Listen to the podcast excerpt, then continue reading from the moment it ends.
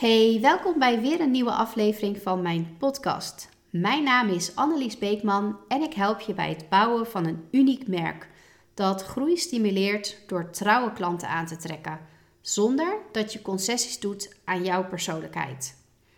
In mijn wekelijkse podcast deel ik over mijn persoonlijke ontwikkeling, mindset en ik neem je mee in de wereld van personal branding.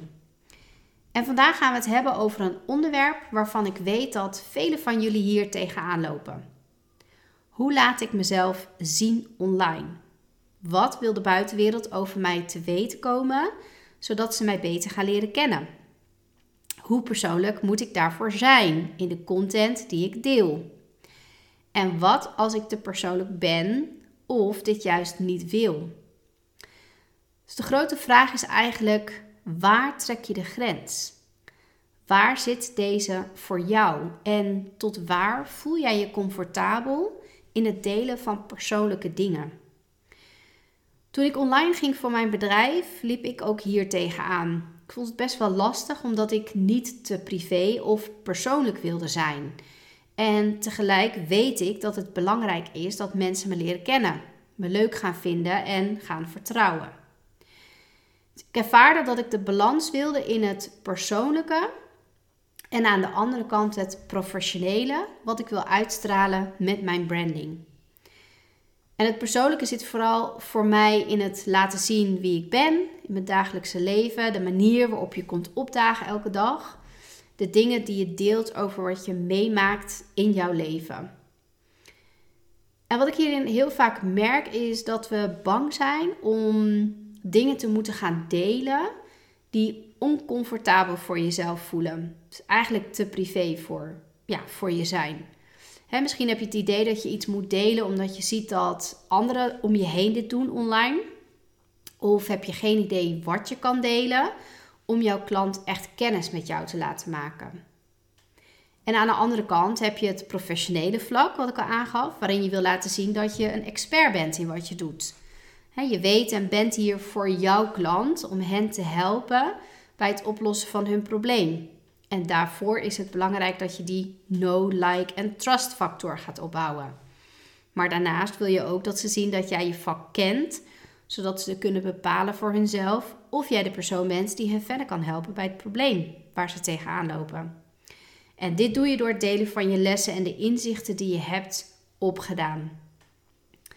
Uh, en daar mag een hele mooie balans uh, tussen zitten. Dus hè, tussen dat stukje persoonlijke en het professionele.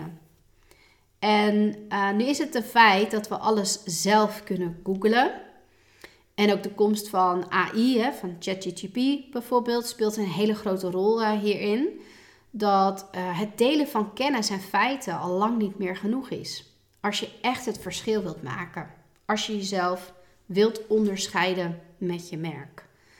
Wanneer je een personal brand hebt, vooral als je een dienst verleent en jij het gezicht bent van je bedrijf, jij bent je merk, willen mensen weten wie je bent. We willen eerst een relatie met je opbouwen om zo te kunnen bepalen of je resoneert, maar ook begrijpt wat we nodig hebben. We willen je eerst leuk vinden en ook echt het gevoel hebben dat je bij hen past. Dat maakt vooral ook door de komst van allerlei nieuwe technologieën en de massa waarin jij je als ondernemer beweegt, elke dag weer, dat het nu nog belangrijker is om het persoonlijke aspect in je personal brand een belangrijke rol te laten spelen. Maar waar trek je voor jezelf de grens hierin en wat deel je wel en wat vooral ook niet?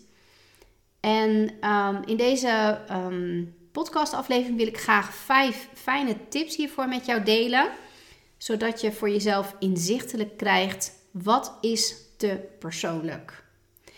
En deze richtlijnen gaan er ook voor zorgen dat je meer zelfvertrouwen hebt om weer um, meer van jezelf te delen op een manier die ook echt bij jou past.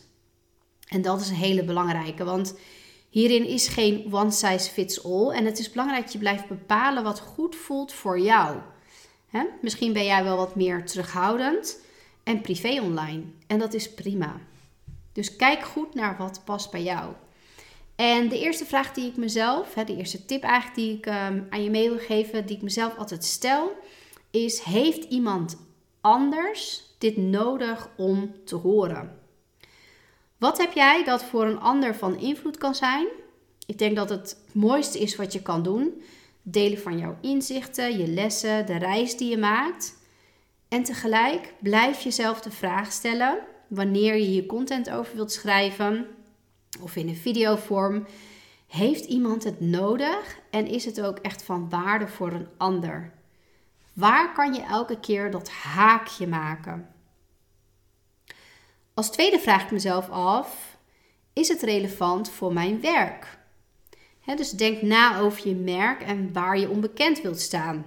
Is dat wat je wilt delen relevant voor wat je doet en waarom je bekend wilt staan?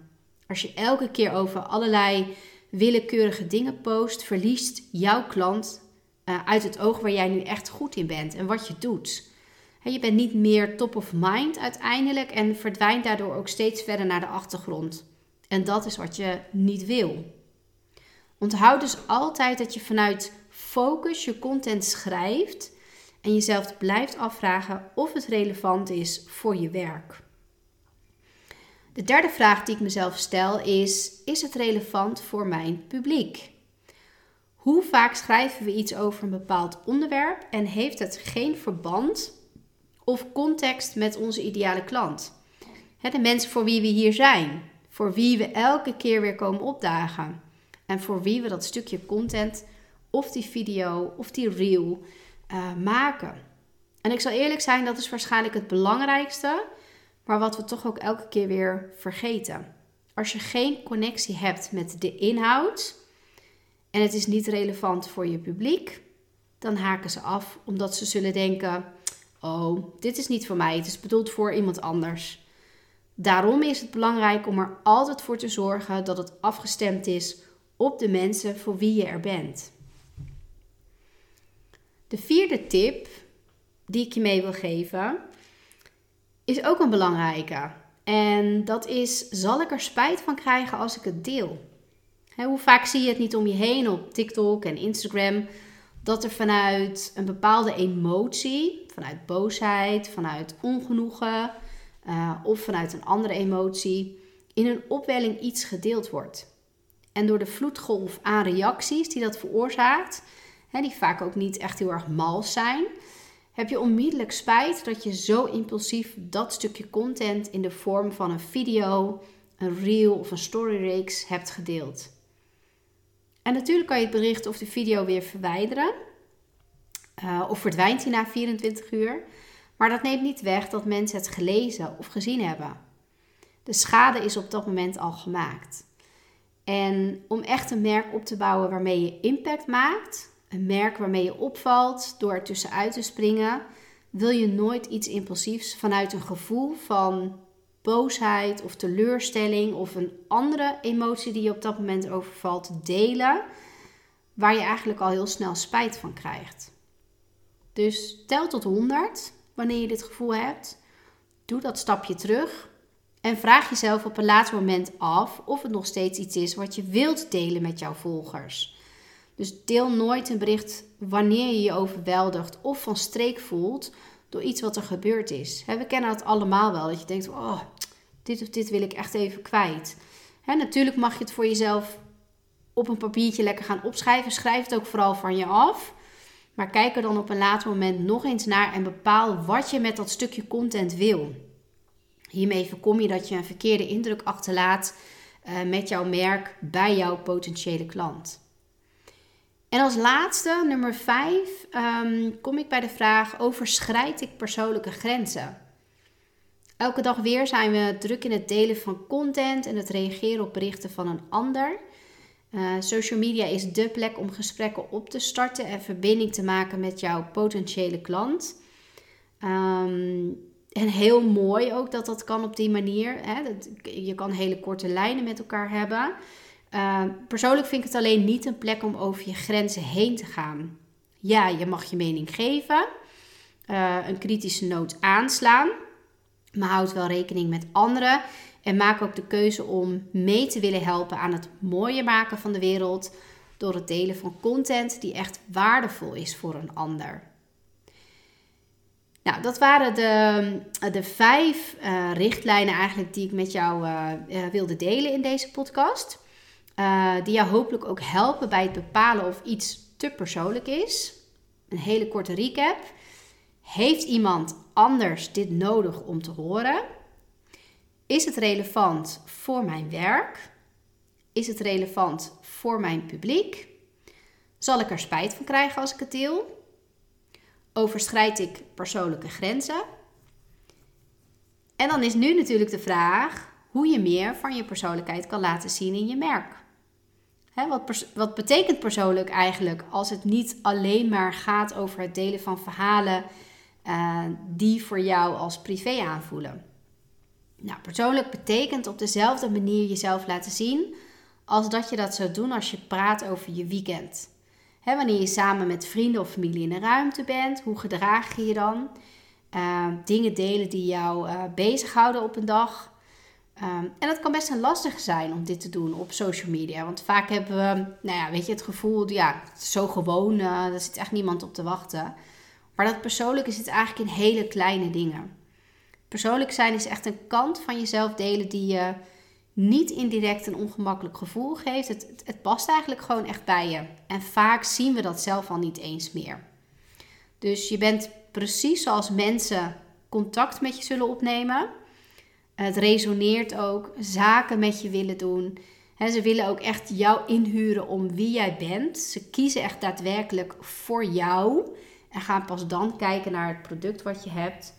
Um, alle dingen en alle redenen waarom je jezelf presenteert voor meer kansen, impact en ook invloed die je graag wilt uh, creëren. Elke week ben ik er voor je om je uit de knoop te halen, je merk en je boodschap ook duidelijker te maken en uh, ervoor te zorgen dat je met uh, meer vertrouwen jezelf online gaat presenteren. Um, heb je iets te delen? Um, laat het me ook weten, want ik weet dat jij iets te delen hebt. Je hebt een boodschap, jouw expertise, die iemand vandaag moet horen. Dus hou het niet langer achterwege of, of twijfel daar ook niet over. Laat me weten of je deze aflevering, ehm, ja, of, deze aflevering je echt heeft geholpen. Ik hoor heel graag van je. Connect ook zeker met me op, op LinkedIn. En dan spreek ik je volgende week weer.